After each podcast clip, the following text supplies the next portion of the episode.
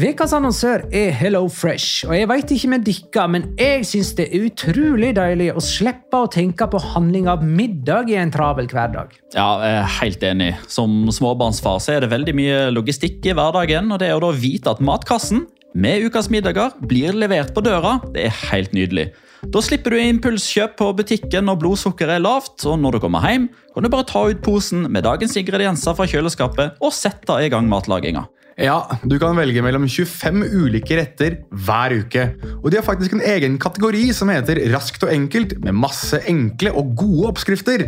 Veldig greit å ikke måtte ty til takeaway hver gang det er hektisk på jobb.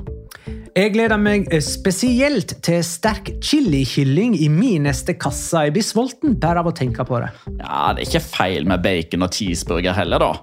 Og det som også er bra, er at matkassen koster det samme hver uke, som gjør det enklere å holde matbudsjettet. Ja, og så blir det ikke matsvinn heller, fordi du får akkurat det du trenger til hver eneste rett. Hello Fresh kan absolutt anbefales, og bruker du koden vår, LIGALOCA, kan du få opptil 1779 kroner i rabatt på de fem første matkastene hvis du ikke har prøvd Hello Fresh tidligere.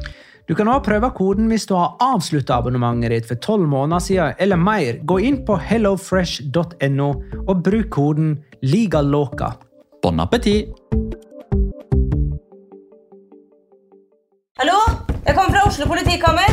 Ine Jansen er purk. Er du purk? The motherfucking bitch. Alt jeg vil, er å finne ut hva som skjedde med mannen min. Jon Carew. Er jeg sikta for noe? Iben Akeli. Det er du. Ole So, Lars Berrum og Big Daddy Karsten. Hvem sin side er du på, egentlig? Anette Hoff, Tone Danielsen, Kommer du fra Afrika?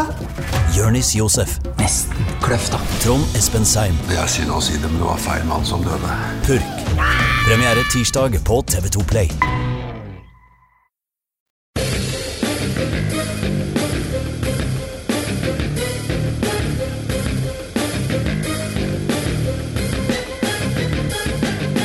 Har du sett? Med en mektig maktdemonstrasjon drap Real Madrid alle håp om en liten Askeladd-historie denne La Liga-sesongen. Girona, som aldri før har vært i lignende situasjon, erfarte ganske tydelig at Real Madrid de har vært her mange ganger. La liga loca. En litt gærnere fotball. Ja, ja, ja, dette er La Liga Loca, episode 282 av det ordinære slaget, med Jonas Giæver, hei. Halla! Petter Wæland, hei. Hei, hei! Og Magna Kvalvik, hei. Halla, Magnar. Heia. Har du kommet deg etter eh, den ryseren av eh, en lørdag du og jeg eh, hadde sammen, eller? Ja, jeg og du og Magnus. Du, jeg og Magnus. Eh, vi var ute på byen og så Las Palmas Valencia. Dette er ikke tull engang. vi var på Andys pub. Eh, og O'Learys. Var det. Mhm. I Vika. Eh, Og det var, det var hyggelig, det, altså. Eh, Vi møtte jo Real Madrid-gjengen tidligere på kvelden og så Girona sammen med dem. Altså Real Madrid-Girona. Mm. Eh, De tok kvelden ganske fort etter det. Lurt nok. Lurt nok. Siden vi ble værende der med Las Palmas Valencia og en DJ som dro i gang Robbie Williams og en røykkanon og litt sånn her blått blinkende laserlys. Har du lyst til å gjette hvor mange som var på det dansegulvet, Petter? To. Det er to for mange. Ja, det er greit. Det var null mennesker på okay. dansegulvet. Det var null stykk. Nei, men uh, altså, når vi gikk klokka elleve, så var det fortsatt tidlig på kvelden. faktisk. Men du men at... DJ-en var varm i trøya. Han var så varm, han. Altså, Du skjønner at når klokka er elleve, gjennom hele stedet, og det er røykanon, og det er ingen på dansegulvet. Oi, oi, oi. Oi, oi, oi. Men, var, Men klokka tolv, derimot, da var det fest! Helt sikkert. Mest sannsynlig. Helt sikkert. Da var eh, den middelaldrende Kvalvik vel hjemme.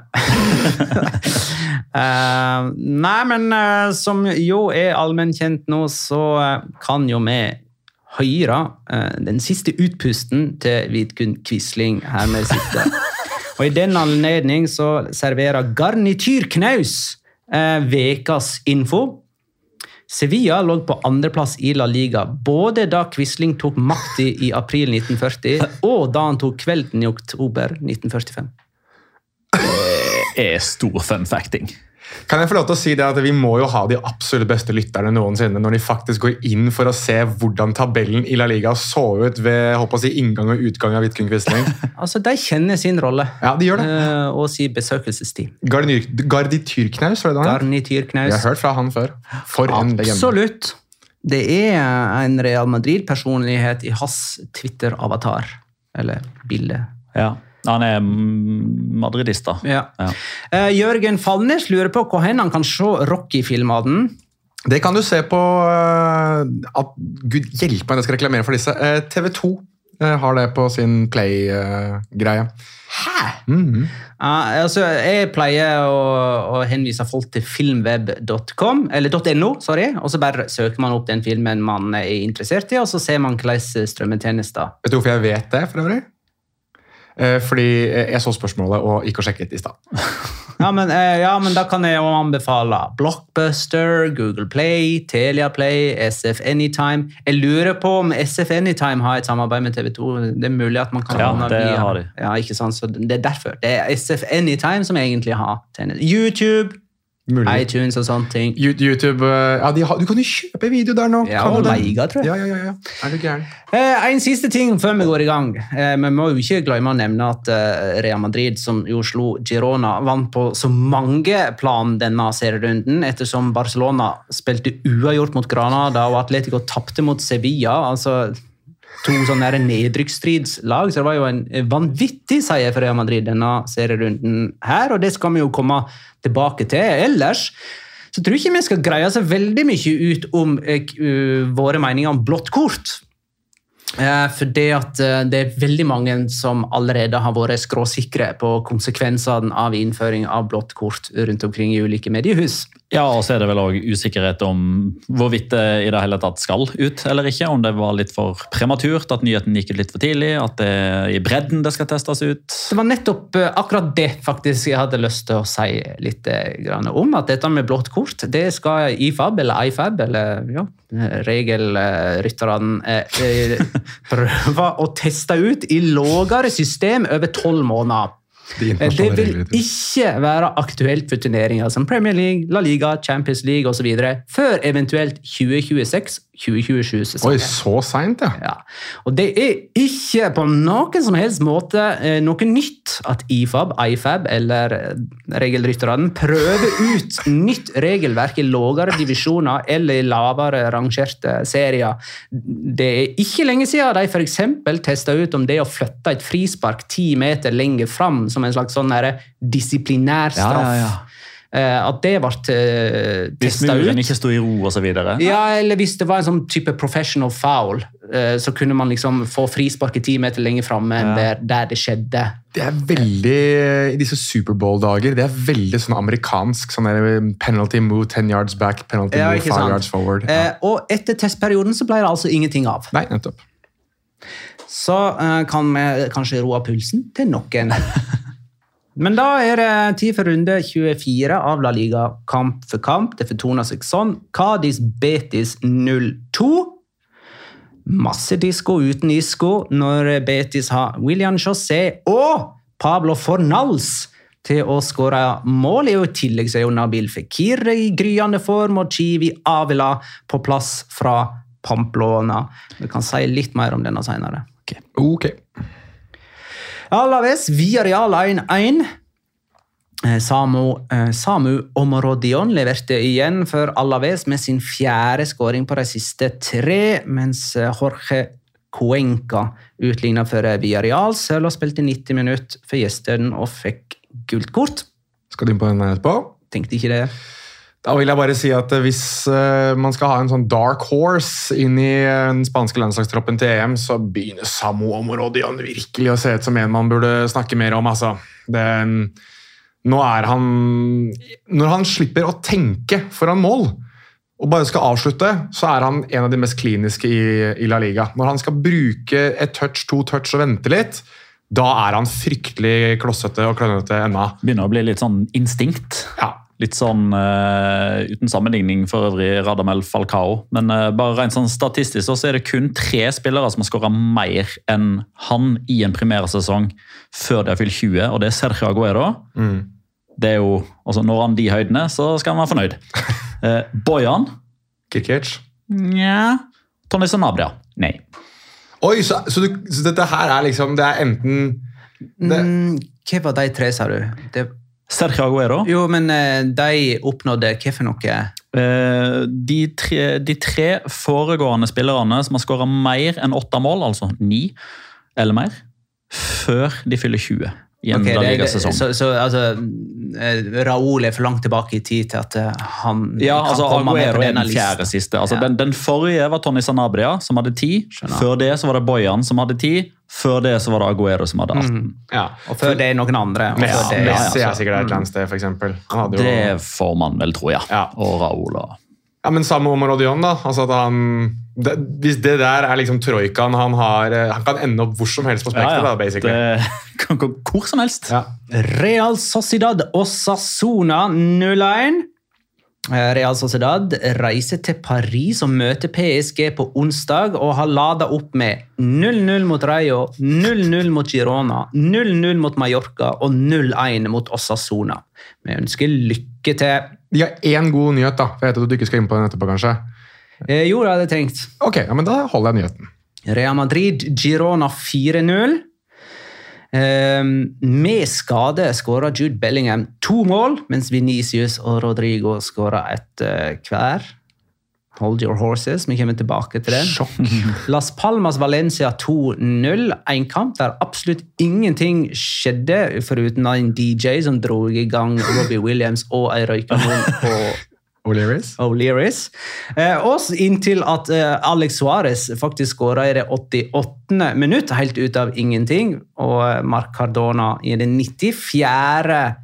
Eh, Las Palmas eh, er da oppe igjen på åttendeplass, forbi Valencia med den seieren. Den kampen her skal du ikke tilbake til. Nei, det er greit. Getafe, Celta Vigo 3-2.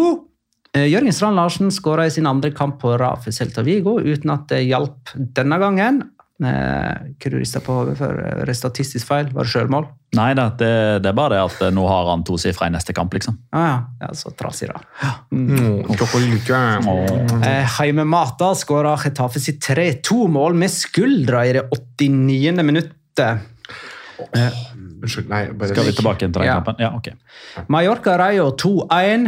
Eh, Rayo Vallecano er pillråtne med én seier på de siste 14 seriekampene og er likevel ikke i nærheten av nedrykksfare, noe som sier en hel masse om pillråtnere lag i La Liga. Eh, Morici ble matchvinner med overtidsskåring for Mallorca. Sevilla Atletico 1-0. Sevillas åpenbaring Isak Romero med kampens eneste mål. Og Barcelona-Granada 3-3.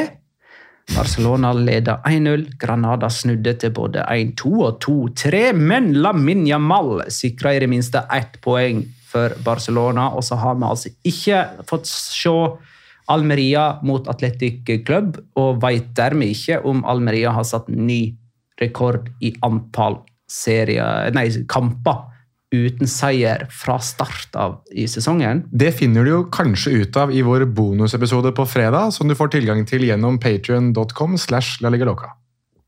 Eh, Men det er vel god grunn til å anta at den første seieren deres for sesongen ikke kommer i denne kampen. Men det er kanskje da den kommer. Ja. Nei, man veit jo aldri. Du ser jo den runden her, det er jo noen oppsiktsvekkende resultat eh, både her og der. Skal vi, det, jeg jeg syns ikke det er så oppsiktsvekkende at Real Madrid slår Girona 4-0. Jeg hadde jo handikap på tre mål uh, favør Girona og tippa Real Madrid-seier. Du hadde det. Eller iallfall to. to. Du, du hadde vel to, sånn. ja. Vi, Det var jo sånn tippekonkurranse. Real Madrid Norge hadde jo arrangert det. Eh, Men der var det HUB, bare. Eh, Og Magnar spurte jo da håndlig om han kunne få uh, U minus to. Altså H minus to. H minus to, unnskyld. Altså at de ledet 3-0 til pause. Eh, og da var jeg sånn Ja, slapp av, du, da. Jeg hadde, jeg hadde U, eh, og det hadde vel Magnus uh, Jøllo Bernstrøm også. Eh, Magnar hadde ganske greit rett der, ja. Treffer bra på spådommer denne sesongen. Ja, i alle fall eh, inne på noe. Men jeg regner med at du vil starte med Real Madrid Girona, da? Ja, ja, nei, Ja. men, ja, det, altså, Altså- det ble lagt til null minutt i denne kampen. Eh, er det, er det, sier det nok? Når, når- altså, når dommeren tenker at vi blåser av på 90 minutter og legger ikke til for et eneste bytte engang, eh, det, det sier sitt om kampen, eller? På, på engelsk så ville du kalt det for et mercy kill. Altså at det, her, det, Ja. dette dyret her er dødt. Men har de sånt i Premier League? Ja, jeg har sett det i Premier League òg. Ok. jeg har sett det i andre ligaer òg. Det, det det er nesten jeg... mer hånlig det. At han blå, blåser av på 90 istedenfor at han lar det gå litt tid. Ja. En liten saksopplysning her nå. Eh, Det kommer ikke til å skje i, i, i Premier League Eller det skjedde i Premier League eh, Nei, det har ikke skjedd i Premier League denne sesongen. Folk trodde at det kom til å skje for første gang da Aston Villa leda med seks mål borte mot Sheffield United. og Folk tenkte sånn mm -mm, Her er det ikke noe grunn til å fortsette. Men de har fått direktiver for at de skal legge til et minimum av det som har gått på bytter og varsjekk osv. Grunnen til at de må gjøre det i England, er pga. målforskjell. I Spania så er det innbyrdes oppgjør. Nemlig. Så det er i, både i Spania og i Italia så har jeg den der eh, mercy-tingen. Eh, I Italia er det ganske vanlig å blåse av på 90 når det er utklassing. Jeg syns nesten det er mer ydmykende. Ja. dommeren er sånn Fordi Forrige gang det skjedde, det var Real Madrid levante 6-0 på tampen av 21-22-sesongen. Det var forrige gang det skjedde i La Liga. Ok, ja. Ja, eh, og Jan Goto han tok til tåren. Vi kan jo kanskje komme tilbake til det etter hvert. Eh, Men først kan vi jo nominere en rundens spiller fra denne kampen. Ja, altså, Nå vet ikke jeg hvor kjente dere er med, med rappalbum. Ehm, men i JC's The Black Album så er i hans første sang, og vel egentlig den første strofen han har i, på det albumet, så sier han 'Allow me to reintroduce myself'. Og det føler jeg at Venezia Junior gjorde så til gangs i den kampen her. Altså, det var... Man har liksom snakket om at ja, Vinicius er jo god, men han liksom har ikke fått det til å stemme ordentlig. Det er noen øyeblikk inne er det liksom 90 minutter med fullstendig pissing. Og jeg husker at når han kjører den derre eh, Hva er det du kaller det på spansken? Eh, altså den der klakken over den ene Girona-spilleren når de leder 1-0. Sombrero. Ja, sombrero heter det. Det er riktig. Ehm, så tenkte jeg sånn Jeg tror jeg sa til deg også, Magnar. Sånn, ja, ikke sant? Mm, vi er der nå, ja.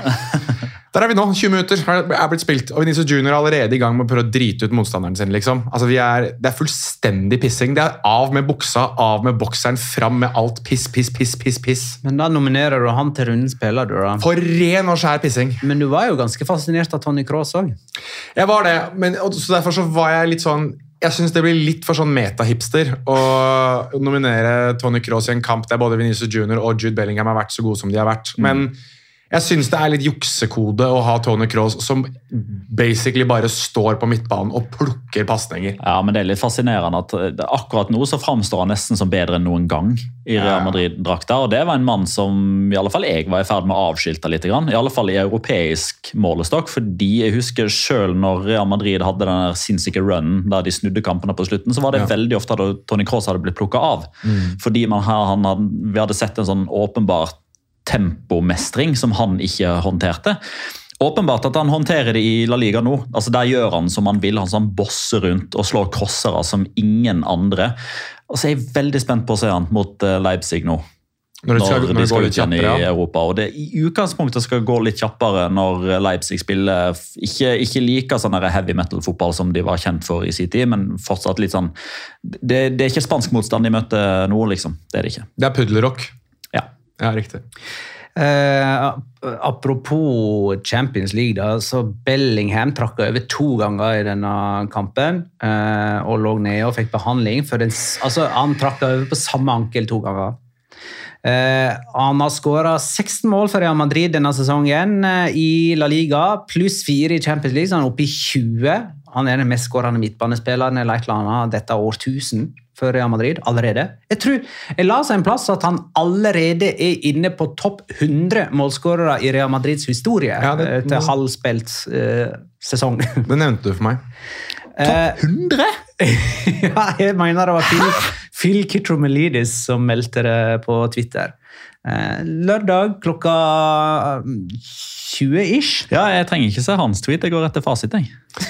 Ja, du, det, er ikke sikkert, det er ikke sikkert den er oppdatert ennå, da. Men, uh... Men i alle fall ehm, Jo, jeg kan jo nevne at eh, Iero skåra fra midtbaneposisjon 26 mål for Real Madrid i 91-92-sesongen, så det er på en måte neste eh, milepæl for eh, Bellingham. Han tok straffer òg, da. Ja, og frispark. Ja, ja, men det, ja, og det er likevel neste milepæl Ja, for eh, Bellingham. er. Men er han klar til Leipzig-kampen? Eh, Denne Er det onsdag?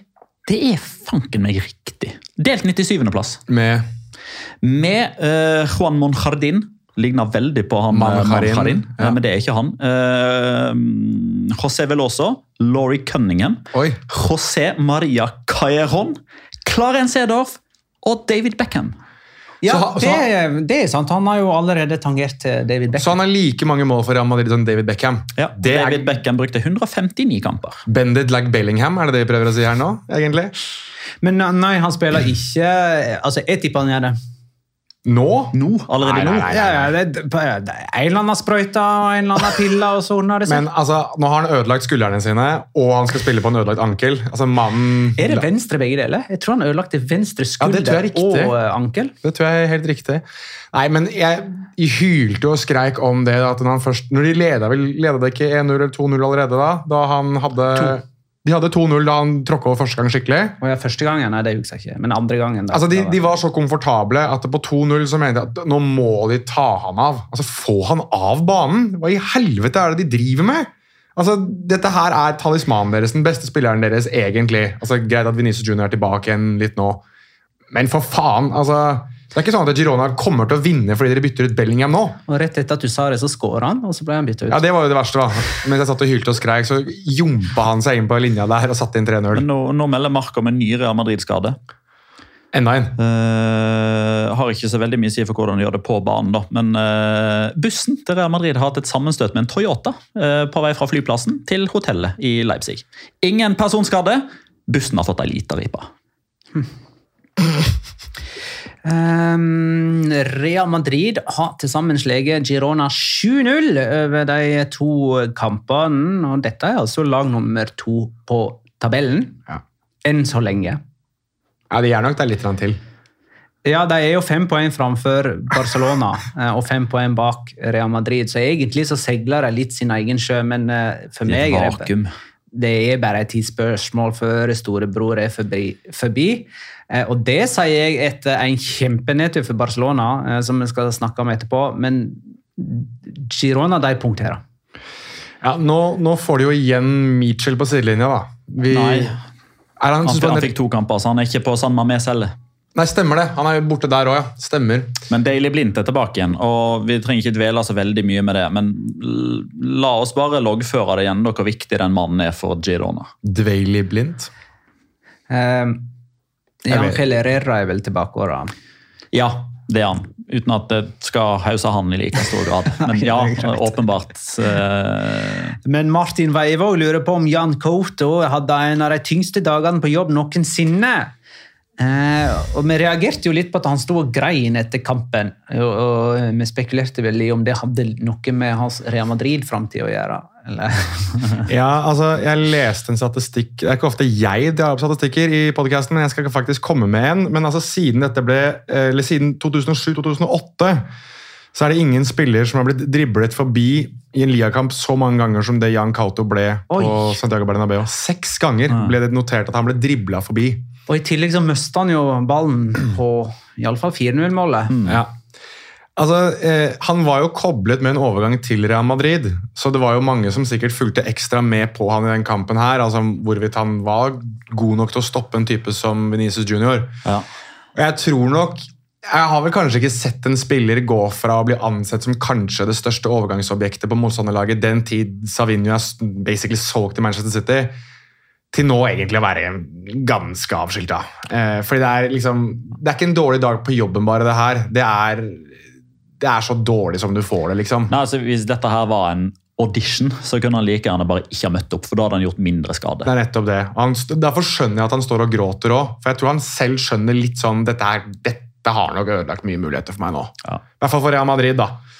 Um, så jeg syntes virkelig synd på ham, for jeg liker jo Jan Couto veldig godt. Jeg har jo snakket mye om Jan Couto siden jeg så han i hva var det for noe? Noe U17 Copa America for en del år siden. Um, Merkelig at han har liksom alltid den samme rosa fargen og den samme etterveksten eh, og den samme lengden på håret hele tiden. det er vel sikkert det han bruker pengene sine på, da. Noen gjør det òg. Du, Ja, du, du, og jeg vet ikke, du og jeg vet ikke om sånt, vet du. Magne. Pen mann-coat. Ja, det er veldig flott. Uh, nå er jeg på statistikk. Snacks Mhm. på denne kampen. Venicius skåra jo ei perle. Det var første gang Girona slapp inn et skudd fra utenfor 16 meter denne sesongen.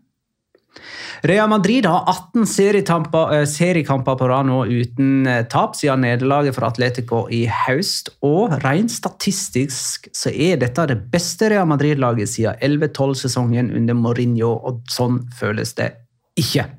Da vant de Ja, det var da de vant ligaen Ja. og føltes helt fullstendig uslåelige. og Det måtte de være, for det var det laget som kunne ta 100 poeng og likevel ende opp bak Barcelona. Stemmer det. Mm. Og så er det jo første gangen de har spilt 22 hjemmekamper på rad uten å tape siden de returnerte fra Alfred og di Stefano. Ja, Covid-tida. Ja, og stadionutbygging. Ja, stadionutbygging også. De hadde begge deler. Da tror jeg vi går videre til Barcelona-Granada, som altså endte 3-3. Skal vi bare skal vi kvittere ut La Liga-sesongen 2023-2024 sånn tittelmessig? At nå vinner Real Madrid tittelen?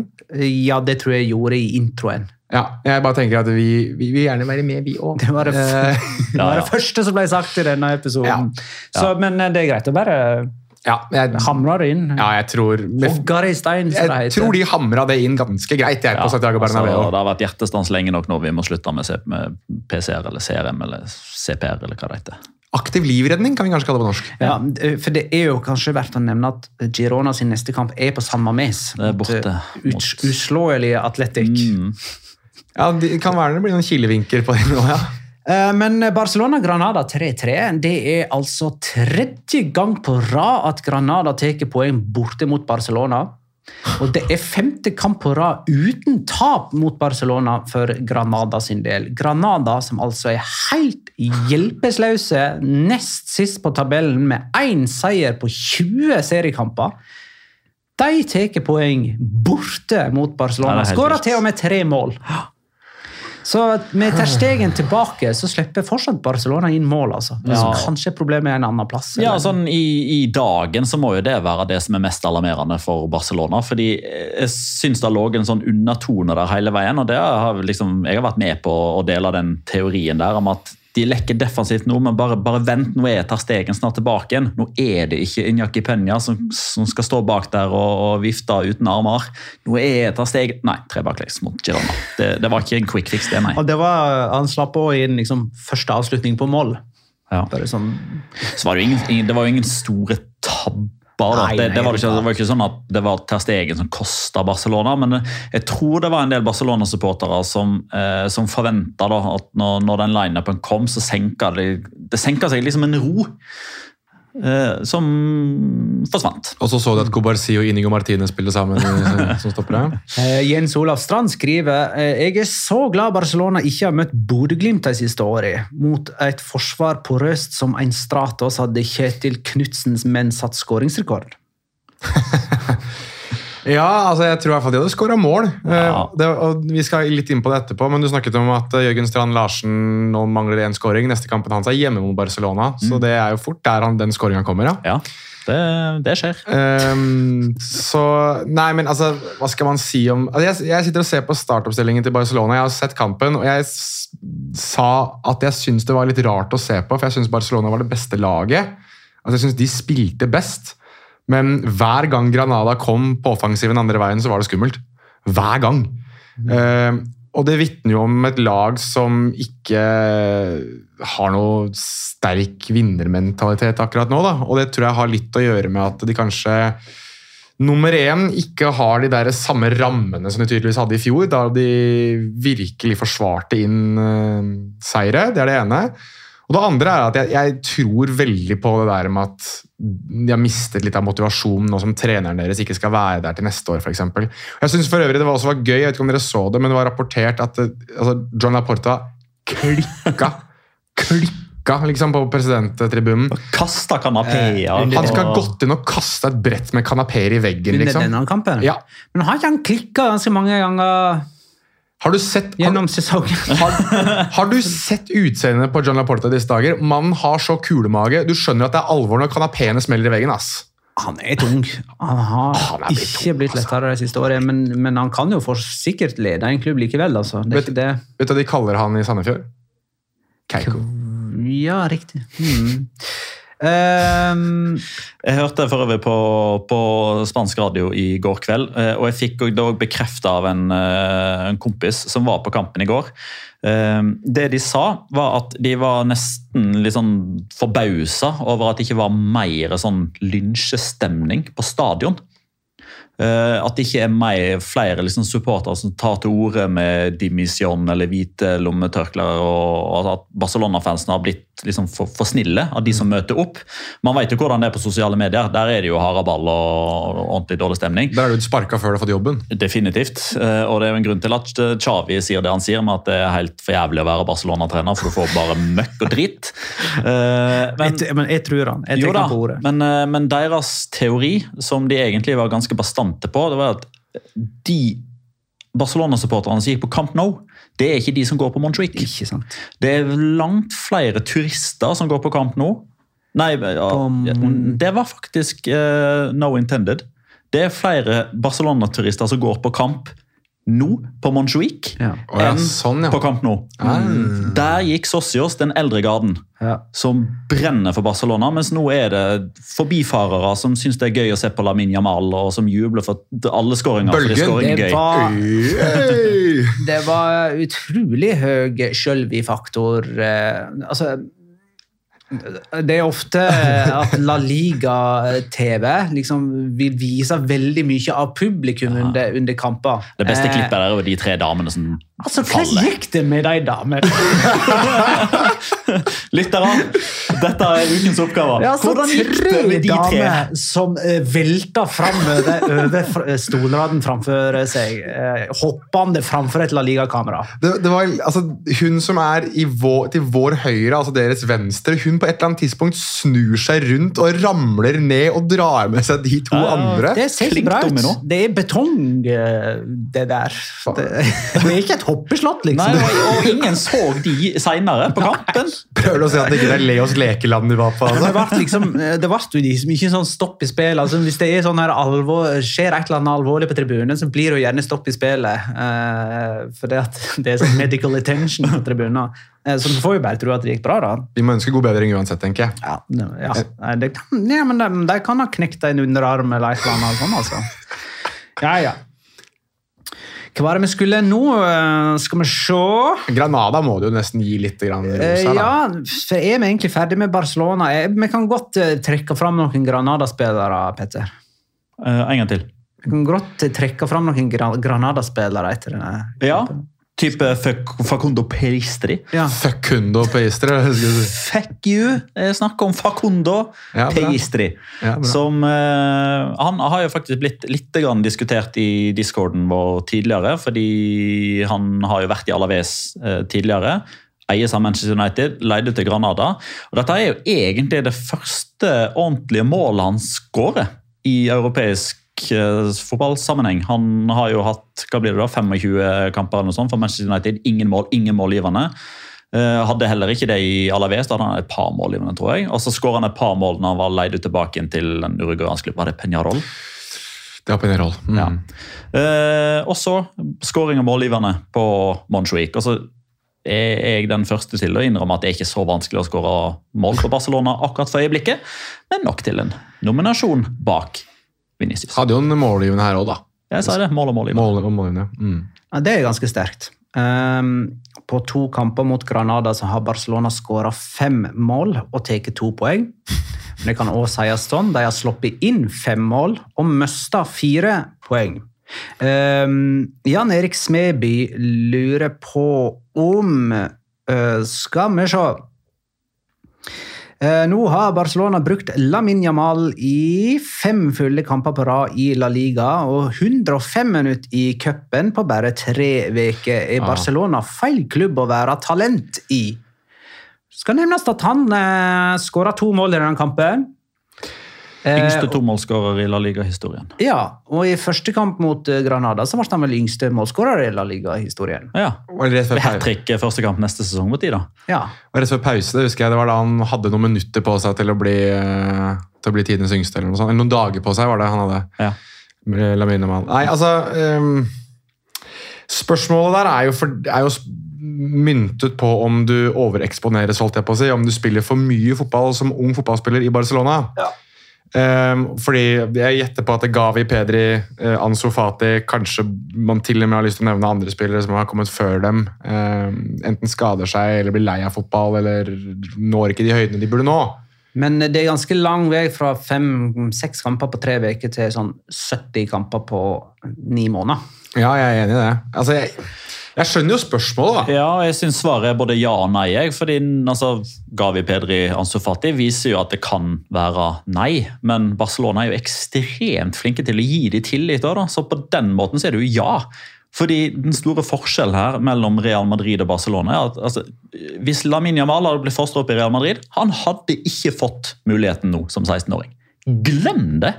No chance! Ligger ikke i kulturen, ligger ikke i veggene der. Det, det jeg liker som, som Real Madrid gjerne gjør, da Kanskje de har litt for lange pauser imellom, men de får gir gjerne spillerne en liten mulighet. Nico Paz, for eksempel, som jeg husker var innom i fjor på et tidspunkt. Og øh, han som vi har snakket om, som skåret i Ja, ja, Alvaro Rodriguez, men, men de er gjerne sånn 18-19.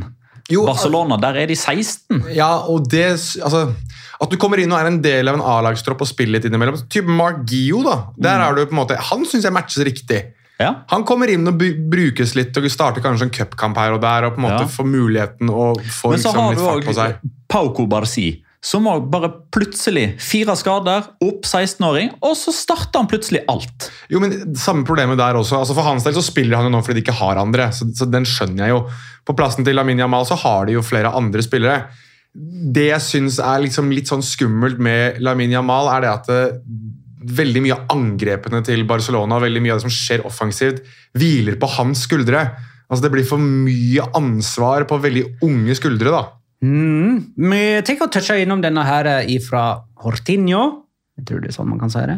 Eh, han vil høre våre tanker om Hansi Flick som en mulig Barcelona-manager. Han er min favorittkandidat, skriver han. Eh, og så hadde jo vi her en runde og de vi tror eh, hver av oss tror blir. Eller ja, hadde en teori i alle fall. Der jeg sa eh, Ten Hag. Eh, Jonas hadde vel De Serbi som sin eh, kandidat.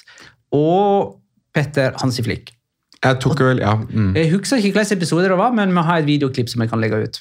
Som summerer opp alle de tre. Mm. Eh, det er litt redigert det videoklippet, fordi at dere snakka jo i fire minutter sammenhengende, så vi måtte redigere det ned litt. grann. Det går fint. Mhm. Så det, Har du klippet meg god eller men- dårlig? Hæ? Har du klippet meg bedre eller dårligere? Nei, jeg klipper ikke alltid bedre, ja. Ah, takk. Mm. Uh, men er det noe nytt om trenersituasjonen, tenker jeg da? Jeg så at um, Jeg så at Chavi Alonso var nevnt nå. Uh, og det, min reaksjon på det var Jeg tror vi driter i det, ja. Ja. Eh, nei, altså, jeg tror fortsatt eh, man trekker Ten Hag opp av hatten. Jeg tror Manchester United gjerne vil det. Um... Jeg tror, jeg tror fortsatt at eh, det der er sånn som alle parter tjener på. Ja. Da, da, kan, da slipper United å betale nok han ut. det gøy, Eh, og det han kan gå med ryktet- en slags verdighet til en ny stor klubb. Og, Har du fått med deg det nye gøy-ryktet? Hvis jeg kan ta et gøy-rykte? José Mourinho. Ja, det er bare tull og fjas. Ja, så han, han, uh, Ifølge media så har José Mourinho lyst til å trene Bayern München òg. Jeg tror-. Jeg tror det, det vi begynner å se nå, er en José Mourinho som har lyst til å jobbe igjen. Ja. Men holder du en liten knapp på hans i eller, Petter? Jeg jeg ser ikke noen grunn til å endre. Nei, Jeg ser bra. ikke noen grunn til at du skal endre, eller at Jonas skal endre. fordi Det, det er Det er ikke ikke noe nytt. Det, det som er, altså, ikke, Siste oppdatering nå fra Sport er at Laporta holder seg til planen med at Xavi skal sitte ut sesongen. Men skulle de ryke mot Napoli, så kan det hende at Xavi må gå. Holy shit. Det er halvannen veke til, eller drøy uke til fra denne mandagen, som jo er 12. februar. ikke? Kikki igjen sitter og holder seg fast nå og håper. Han kan jo ikke trene denne sesongen her, men neste sesong. Vi hopper videre til Sevilla, Atletico Madrid, som altså endte 1-0. Um, Her har jeg et spørsmål til deg, Magnar. Ja. Eh, er du glad for den seieren der? Eh, sånn i lys av at dette gir jo Kike Sanchez Flores litt mer tid? Dette uh, betyr at Kikki Sanchez Flores er sesongens beste Sevilla-trener. Poengsnitt på over én nå. Ja, Ti poeng på åtte seriekamper under Kikki Sanchez Flores, mens man hadde åtte på åtte under Mendelibar og fem på åtte under Diego Alonso. Altså, Jeg er innforstått med at Kikki Sanchez Flores sitter ut sesongen, og det er det. Vil du ha en annen morsom greie her? Du er så inne på José Luis Mendeliva. Han har fått ny jobb nå. Han er hovedtrener i Olympiakos. Nei. Mm. Um, men, Greske klubber er veldig glad i spanske trenere. Ja. Ja. Men jeg, eh, jeg kjører jo min rundenspillernominasjon her. Eh, Det er på høy tid at Isak Romero eh, blir nominert til rundespiller etter den kanonåpningen på 2024 han har hatt. Nå ble han altså matchvinner her mot Atletico. Han har spilt fem seriekamper og skåra tre mål. og Det vil si at han bare er fire mål bak toppskårer Enesiri, som har spilt 19. Eh, og jeg, altså, Isak Romero det er litt dumt. Jeg vet at jeg er en jinx-mester, men han blir toppskåreren til Sevilla denne sesongen. Jeg syns ikke det er noen høye oddser. Sånn, Nei, men jeg fucka han opp ved å slå det fast. Ja, Fair enough. Uh, Her fikk vi for øvrig en av disse her kampene der Atletico Madrid bestemmer seg for at ikke de skal være noen gode i fotball lenger. Eh, det har en tendens til å skje på bortebane, ja. Har det? Men jeg har litt, litt lyst til å si én ting til om Sevilla, og det er at eh, de har nå to seire på rad for første gang denne sesongen. Og forrige mandag, altså vår forrige episode, så, så sa vi at vi kom ikke, antagelig ikke til å snakke noe særlig om Rayo Vallecano Sevilla, eh, med mindre de to trenerne begge to skulle få sparken. Men vi glemte en eventualitet, og det var at hvis en tilskuer stikker fingeren opp i rumpa på en Sevilla-spiller, så kan det hende vi må snakke om den Det er mulig, ja. likevel. Ja, det er sant det. Eh, For der eh, skulle altså eh, Ocampos ta et innkast på en veldig intim stadion, Vallecas. Men der klarte altså en ung tilskuer å tilsynelatende i alle fall sånn stikke en finger mot og bort i, opp i rumpa på Ocampos. Selvfølgelig, han hadde jo shorts på, så det blir ikke Hadde jo ikke av seg shortsen. Men eh, jeg hørte noen rykter om eh, Hva ble straffen for han her eh, tilskueren? Det har ikke Det har ikke, med kommet, meg. det har ikke kommet ennå. Det, det ligger hos eh, det spanske fotballforbundet og eller eh, La Liga, hva som liksom blir straffen der, da. Men jeg synes Ocampos kom jo med noen ganske sånn Uh, vittige kommentarer i etter... eh, Vittig er ikke riktig ord, men altså, han kom med noen bemerkninger i etterkant av det Ja. som jeg syns var Jeg ble i hvert fall sittende og tenke der har du et poeng. Um, Det ene var jo det at han håper at La Liga tar dette veldig seriøst. Og så sa han at eh, hadde dette her vært i kvinnefotballen, og det var en, en tilskuer som hadde gjort det mot en kvinne, så hadde det vært ramaskrik opp ned og i mente. Og det er et ganske godt poeng, syns jeg. Altså, det hadde vært litt annerledes hvis dette her hadde vært på øh, Ja, at det hadde vært øh, Sevilla-kvinner mot øh, Rayo-kvinner, da. Så jeg tenker at det her øh, hadde egentlig han et ganske godt poeng. Og så var det vel noen som hadde nevnt foran, det var en motstander som hadde sagt til han at ja, men du er jo fra Argentina, så du er vel vant med sånn som det her. Og der er vi også inne på det at vi snakker ofte om eh, rasisme. Men dette her er jo nesten litt sånn et- etnosentrisk, syns jeg, da, mot Lucas Ocampos fordi du er fra Argentina. Så dette her må jo du være litt vant med, liksom at folk er gærne. Så han, liksom, Da tror jeg Lucas Ocampos sa sånn, jeg har aldri hørt om noe sånt skje i Argentina. liksom. Ja. Så jeg syns det var en del interessante bemerkninger, bare. Ja, eh, og altså, Vi har jo snakka litt om Rayo Vallecano og hva de gjør og ikke gjør med ikke billettsalg på internett og drakter som ikke blir klare til sesongstart, og har vi, nei, Presa som slåss med Raúl de Tomàs osv. De kom jo med en pressemelding der de naturligvis da, i begynnelsen at vi tar fullstendig avstand fra dette her. Og, og, så var de, Men og så var de veldig mye mer opptatt av å eh, påpeke at dette her var en isolert hendelse. At de 14.999 andre de hadde en eksemplarisk oppførsel i denne kampen. Eh, Det var for øvrig 12.500, ikke 15.000 på den kampen, sånn som de hevder. Um, Jørn Hindland Skøyen lurer på hva spanske medier skriver om Ørjan Hårsvold Nyland. Eh, svært imponerende mot Atletico sett fra TV-skjermen. Veldig bra timing, fordi nå gikk jeg inn på Sevilla-seksjonen til Marka. Ja, Jeg var innom der tidligere i dag, faktisk. Og den øverste saken, som kom klokka 15.10, har du sett den? Ja, Kommentaren fra Fernandes, er ikke det det? Eh, nei, det nei, det ikke kommentar, men eh, en sak. Artikkel. Ja, ja, ok. Ja. Eh, Nyland la base de la remontada NL Sevilla. Altså det er Nyland som er liksom grunnmuren i snuoperasjonen til Sevilla. Der han da påpeker at Sevilla kunne ha tapt én av ti seriekamper som Nyland har stått, og at baklengssnittet til Sevilla er langt lavere med han enn Dimitrovic. Ja, for det at uh, Sivert van Morik følger i grunnen opp eh, spørsmålet kan man si da, om vi har tall på poengfangsten til Sevilla med og uten Nyland denne sesongen, og det tok jeg på meg å sjekke. Mm. Ja, uh, de har 15 poeng uh, på 10 kamper med han, og 8 poeng på 14 kamper uten. Og, og så bare, bare sånn for å avslutte, jeg synes også det er, det, er, det er bare verdt å, å notere at han avslutter artikkelen slash kommentaren med Nyland se estagandos og continuidad. For vi må ikke glemme det at Nyland sitter på en ettårskontrakt. Ja, At han altså, kjøper seg muligheten til å bli værende, ja. Eller at han vinner seg muligheten til å bli værende. ja. Altså, eh, Ørjan Nyland fremstår som årets mysterium for meg i, i La Liga. For Jeg har sett Ørjan Nyland stå for det norske landslaget, og jeg har sett Ørjan Nyland stå for veldig mange ulike klubber i verden. holdt jeg på å si, for Han har jo vært veldig mange steder. Jeg kan ikke huske å ha sett ham bedre enn det her. Nei, nei, nei. nei. Altså, Han er sensasjonell. Altså, Han virker som han har funnet sin plass i verden. da. At dette her er liksom, dette er der han har tenkt å være. Altså, vi, For å si det sånn, da. Eh, hvis ikke han får den fornyede kontrakten i Sevilla, så vet jeg i hvert fall om én annen klubb i La Liga. Og jeg ser på deg, Petter Wæland, som Ja. kanskje burde vurdere ham. Ja. Kjør på, Viadial! Du hadde tatt Ørjan Nyland over Filip Jørgensen. Ja. Eh, Men eh, litt interessant betraktning fra Anders M. Berg om Nyland versus Dimitrovic er et godt eksempel på hvor viktig keeper er for hvordan hele laget spiller.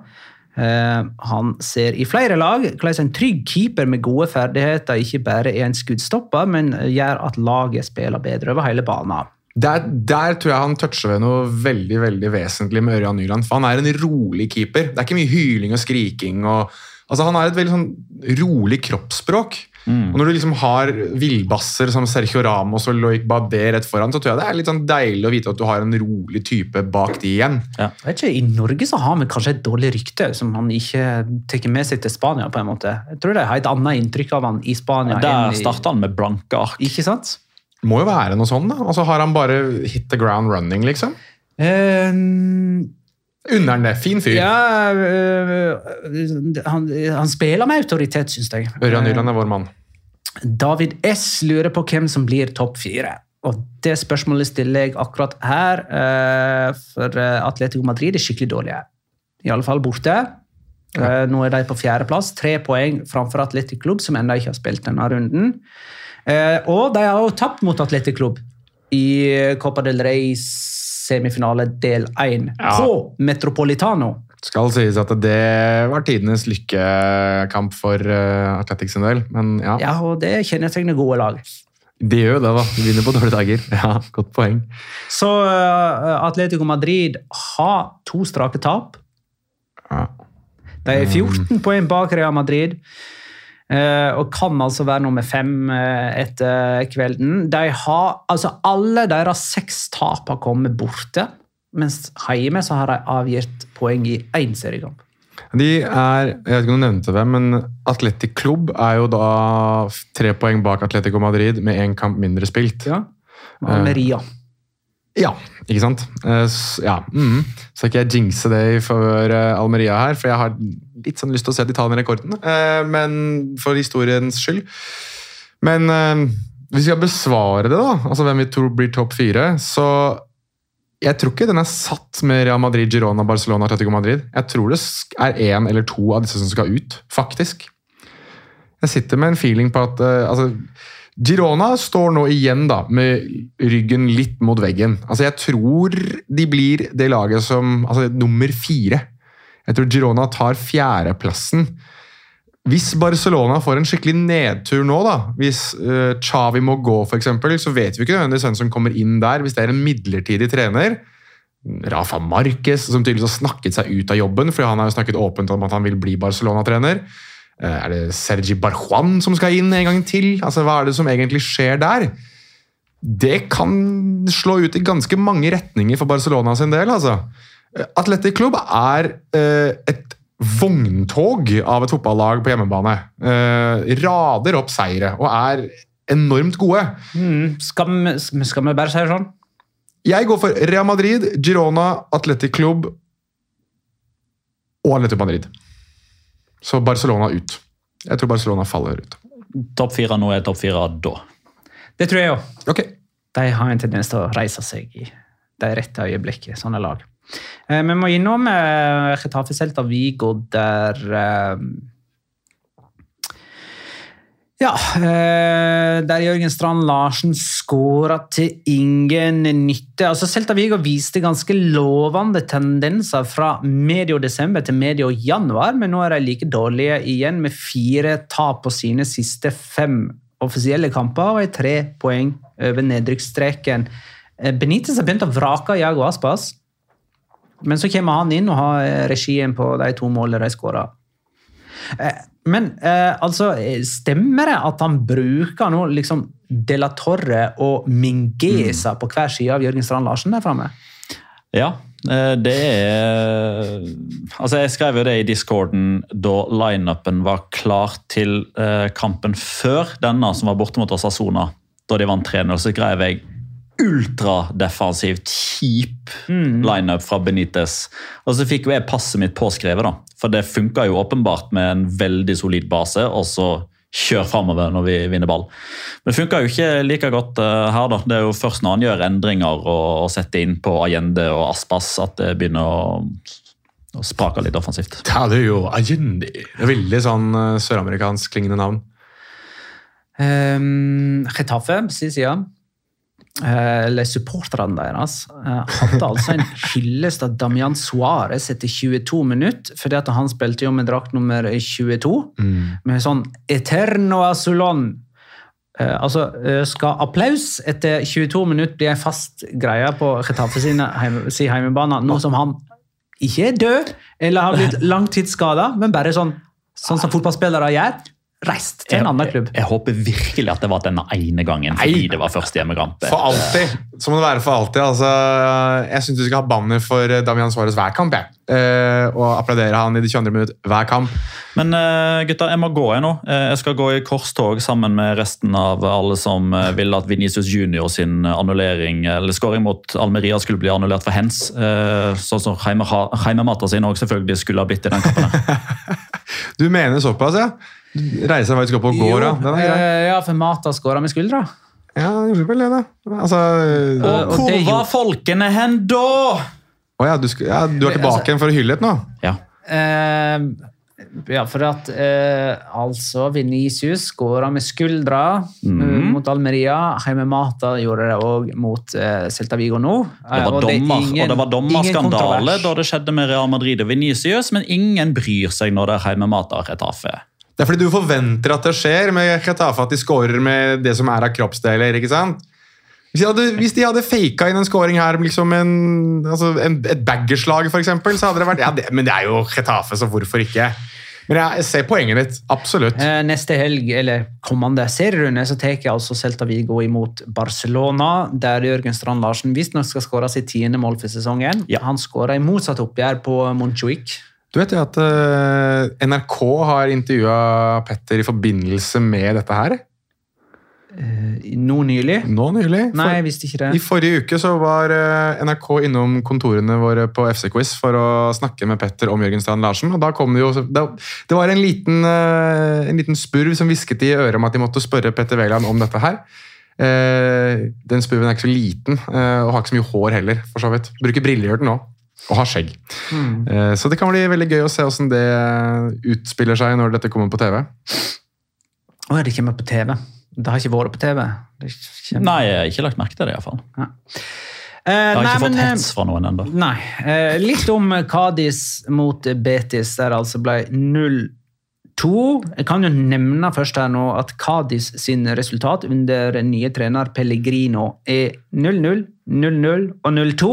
Og dette her var jo Pellegrino mot Pellegrini For bare andre gang i La Liga-historien. Første gangen så vant Pellegrini 4-0 med Malaga mot Valencia i 2012. Ja. eh, jeg har jo en Locora vi skal inn på her etterpå, Ja. Eh, så jeg, jeg sparer den litt. Og Det kan jeg også ta rekka til Kadis, for det er, det, er no, det er noe litt moro med Kadis sin, eh, sin rekke med resultater. Du var litt inne på det nå. Men jeg vil heller gi eh, litt sånn honnør til eh, Betis av to årsaker. Uh, ene er at de virkelig tenner på det som er av plugger når Isco er borte. At du har andre spillere som står fram. Her skårer de grisekjapt, og det er egentlig ikke noe tvil om at de vinner den kampen. her. Ja, Kadis hadde en mulighet med Chris Ramos i første omgang. Nei, det var ikke noe mer enn det som skjedde. Eh, det er det ene. Og det andre, og dette er viktig, eh, mine herremenn Manuel Pellegrini hadde på seg treningsutstyr. Trenings. Han hadde på seg treningsjakke igjen. Han har hatt veldig mye sånn hettegenser eh, i det siste. Nå var det det- swank ass hummel! Men eh, hvor lenge er Isco ute? Det er seks til åtte uker. Ja, ikke sant? Men Så et stykke. de har liksom signert de rette spillerne til rett tid. De har kan det. du si. Jeg har to ting fra denne kampen, her, eh, og så skal du fortelle hvordan din etterpå. Eh, Avila Chimi. Hvorfor Det helvete står det det på drakta? Vet du hva? Jeg er så Fy faen så sint jeg er for det. Vet du, det er nesten så det skulle vært en Jonas Giæver løs for det der. Det der er ikke lov! Du kan ikke holde på sånn! Driver og tuller med de greiene her. Det, er et, det er et samfunn Det er et samfunn av draktsamlere og folk som liker Jimmy Avila. Som liker at han har det riktige. Dette er som da eh, Alexis Sanchez begynte å bytte fra Sanchez til Alexis! Det er ikke lov! Rista veldig i mikrofonen. Faen! Ja, det, dette, her, dette her irriterer meg. Dette irriterer meg. Og den andre tingen, det var det som skjedde rett før andre gangen ble sparka i gang. Eh, fordi eh, altså dette her som var, Det som var nyskapende i Norge med eh, intervjuer av spillere på vei liksom, Ja. inn og ut av s- eh, første og andre omgang, det har jo òg nådd Spania nå. Eh, og Robert Navarro, eh, hjemmelagets høyrekant, han sto jo og ble intervjua på vei ut til andre omgang av en eh, hyggelig, vennlig Dazon-reporter. Og der er egentlig tommefingerregelen. Der, der skal du ha ett spørsmål. Til nøds to hvis det er et veldig kjapt svar. da skal du få lov. Men når det tredje spørsmålet kom fra reporteren, da tok pressesjefen til Kadis ansvar og bokstavelig talt dytta Robert Navarro ut på banen. Andre omgang starta, det tok 22 sekunder baklengs. Nei da. Ehm, før vi runder av, uh, hadde jeg nær sagt, så må vi snakke om Real Sociedad, eh, som jo tapte mot Osasona hjemme. De hadde jo en sånn fin steam i Champions League i høst. Eh, og hvilken prosentfordeling hadde vi her i, i studio da Real Sociedad trakk Paris Saint-Germain opp av hatten? Eh, og hvilken prosentfordeling kjører vi nå? Ja, det er, Jeg tror jeg hadde 60-40 for favør Paris Saint-Germain. Jeg tror jeg hadde enda mer i favør PSG.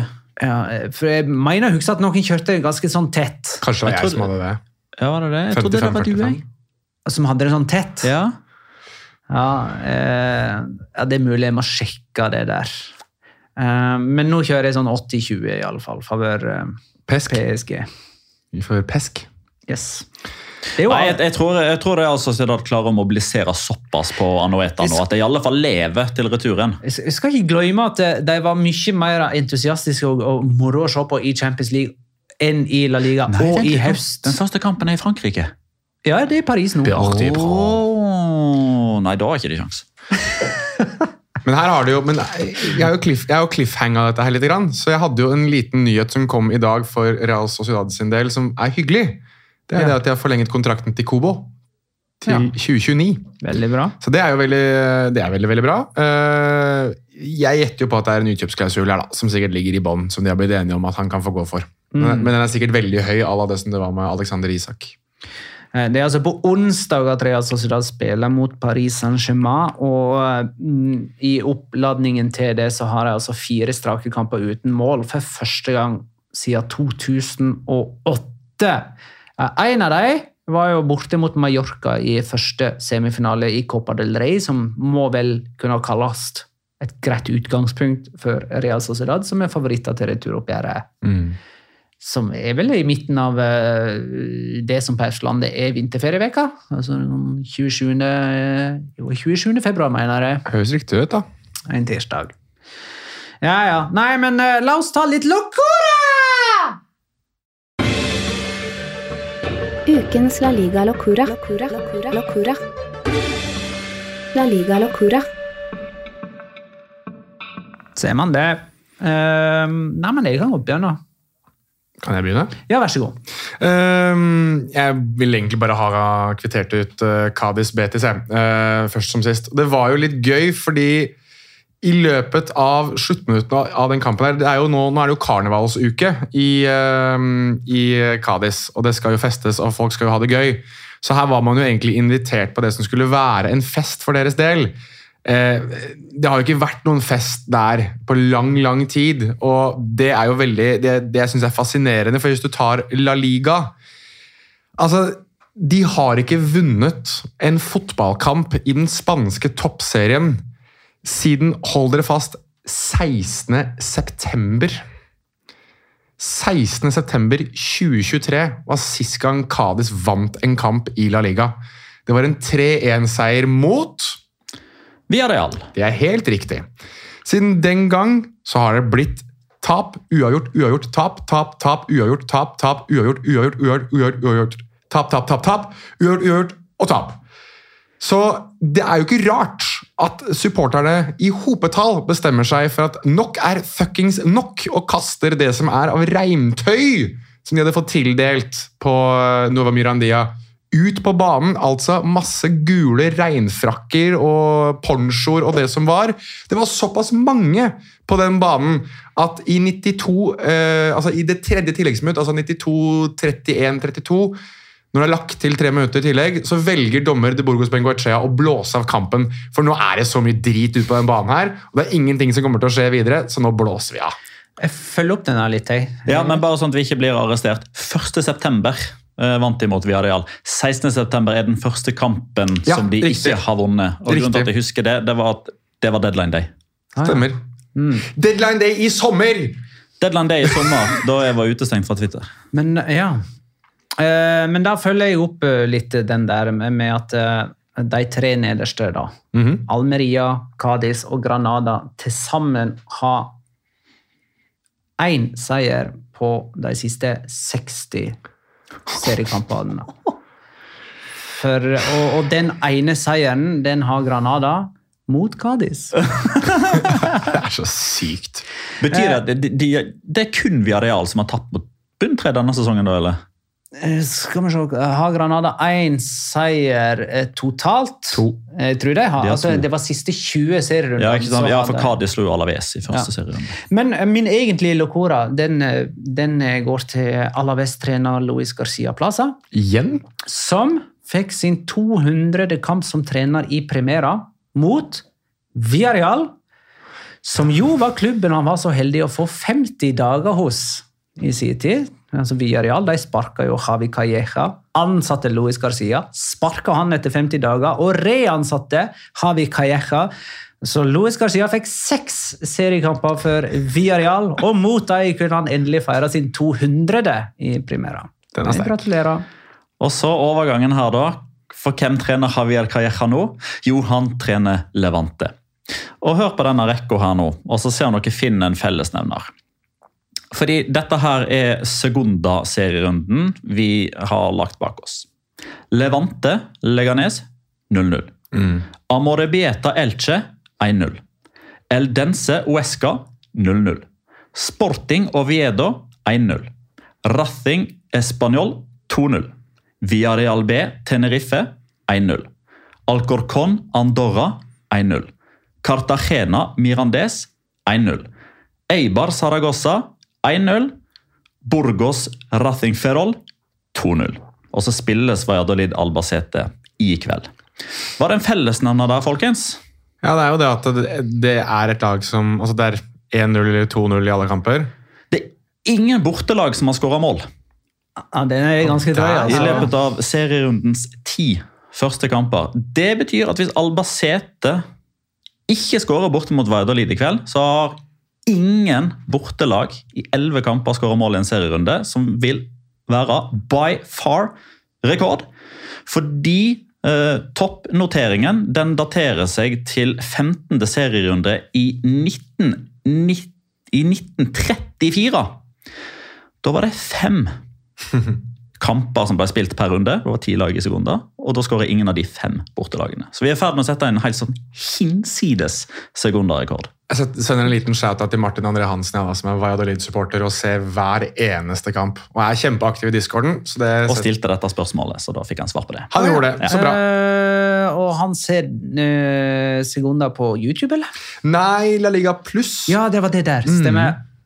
Nei, men uh, da kan vi runde av med Spørre-Petter. Pregunta-Petter, Spørre-Petter, intrikat, vrient, vanskelighetsgrad, kjempelett, gruble, nei forresten, tenke lenge, statistikk, historie, fundere, Nyttig fakta, pass, Unyttig fakta. Spørre-Petter. Ja, og For at den ikke skal bli for lang, så skal dere ikke ramse opp alle. Dere skal få et hint for hver. Fordi vi skal til Damian Suárez land. Tror dere det er tilfeldig i at den første serierunden etter at han forlot Spania, så har det blitt satt ny eh, negativ, eller ny rekord i hvor få kort det har blitt i en serierunde. De første ni kampene har gitt 23 gule kort. For, eh, for bare la det være sagt at eh, med han på plass, så blir det minst tre gule kort mer. Ett som han får sjøl, og to som han klarer å framprovosere hos motstander. Ja, og gjerne to-tre til hos lagkamerater som han gir skylda for ting han gjør. Ja, så minst tre, da. Ja. Så Fellesnevneren her er altså da Damian Suárez. Han er den spilleren i La Liga som har fått 16. flest gule kort. Nå skal dere få et hint på de topp 15 Eh, gjennom historien. gjennom historien. Nummer 15, født i 1975, høyreback for Celta Vigo og Real Madrid. 120 gule. Michel Sagado. Riktig.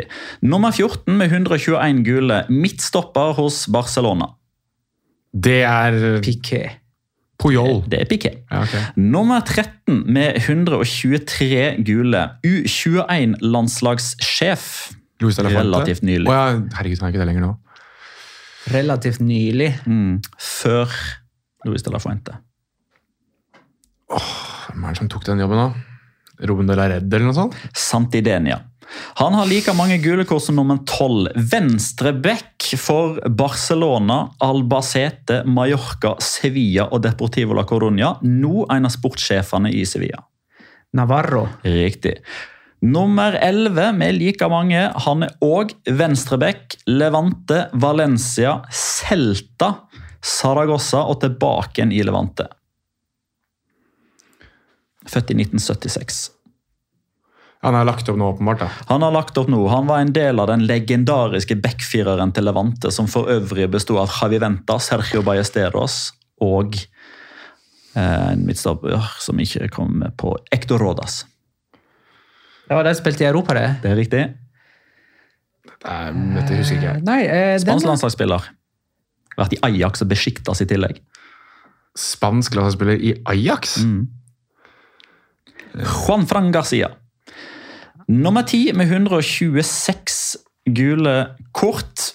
Klart flest kamper i La Liga for Español, men har òg spilt for Getafe Redes, og der han starta karrieren, Barcelona. Sentral defensiv midt. Født i Eh, 1987. Sanchez. Victor Sanchez, riktig. Eh, nummer 9 med 130 gule, brasiliansk høyrebekk. Daniel Alves? Riktig. Nummer åtte med 131 gule kort. Gjorde møkkajobben i alle år for en uh, suveren Casemiro? Eller Makelele?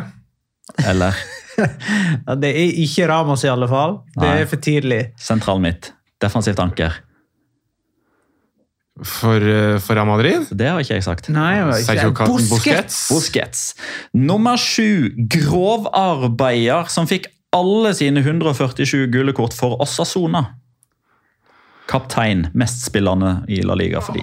Eh, Java Nekonan! det kunne vært det. Eitor? Aitor, Aitor. Nei. Ok, r- Haris Medjunanin. Nei, jeg vet da faen, jeg Åh. Han, han, eh, heit- fornavnet hans er Francisco, men han gikk under Pachi. Nei, det er ikke det. navnet. Han her har jo Han her har jeg sittet og hørt på prate til meg. Han jobber i ungdomsakademiet der nå. Eh, skalla, ikke sant? Ja. Eh, han, dette her er flaut. Han Punjal. Pachi Ponjal. Yes. Nummer seks uh, løfta trofeet i 2014. Alex Hong? Nei da. You wish. He wish. He wishes. Uh, 2013-2014 uh, Er det Carlos Puyol, da? Nei, Er jo ikke det Real Madrid som løfter trofeet? i 2014. Nei, det er Godin. Nei. Og det Eh, er Gabi. Gabi. Det er Gabi. Gabi. Nummer fem. Eh, stort sett eh, forsvarsspiller, men av en eller annen merkelig grunn. På 90-tallet hadde han tydeligvis én sesong som midtbanespiller da han skåra noe inn i helvete med mål. Fernando Hierro. Yes, Nummer fire med 153 gule kort. Han jobber nå som ekspert på spansk radio. Eh, Valencia-legende sentral midt. Marcena. Ikke han, men Albelda. Ja, nummer tre. Fortsatt aktiv. 158 gule kort. Svært grev. Raúl Garcia. Nummer to, midtstopper for Español Deportivo La Coruña og Retafe. Klarte i 2003-2004-sesongen å bli utvist fire ganger. Er det Navarro her, eller? David Navarro? Nei. Kort etternavn. Um, Som i Cortes. Nei, det var ikke et ordspill. Corto. Um, uh, kan, hvilke klubber var det var igjen? Español Deportivo Retafe. Spansk landslagsspiller her, eller? Nei. Eller Nei. Ingen landskamper. Høg, hengslete. Fikk mindre og mindre hår. Avslutta skalla. Hadde måne lenge. Aitor Osio. Nei, jeg, jeg ser han framfor meg, men jeg, jeg klarer ikke å komme på eh, Alberto Lopo. Ja! Og den største grisen av de alle med 192 gule. Still counting. Sergio Ramos. Yes. Det her var bra. Jeg syns den var morsom. Jeg var bare ikke jeg fikk, du, du hadde jo Levante-gutta og lå på Navarro osv. Ja, Punjal. Punjal. Tok den. det var greit. Den satt litt langt inne. Ja, den, jeg har sittet og hørt han fortelle meg om Osasona og hvordan de bygger altså, Det er helt Ja, men eh, da, da tar vi kvelden. Mm. Mm. -hmm. Takk for at du lytta, kjære lytter. Ha det, da.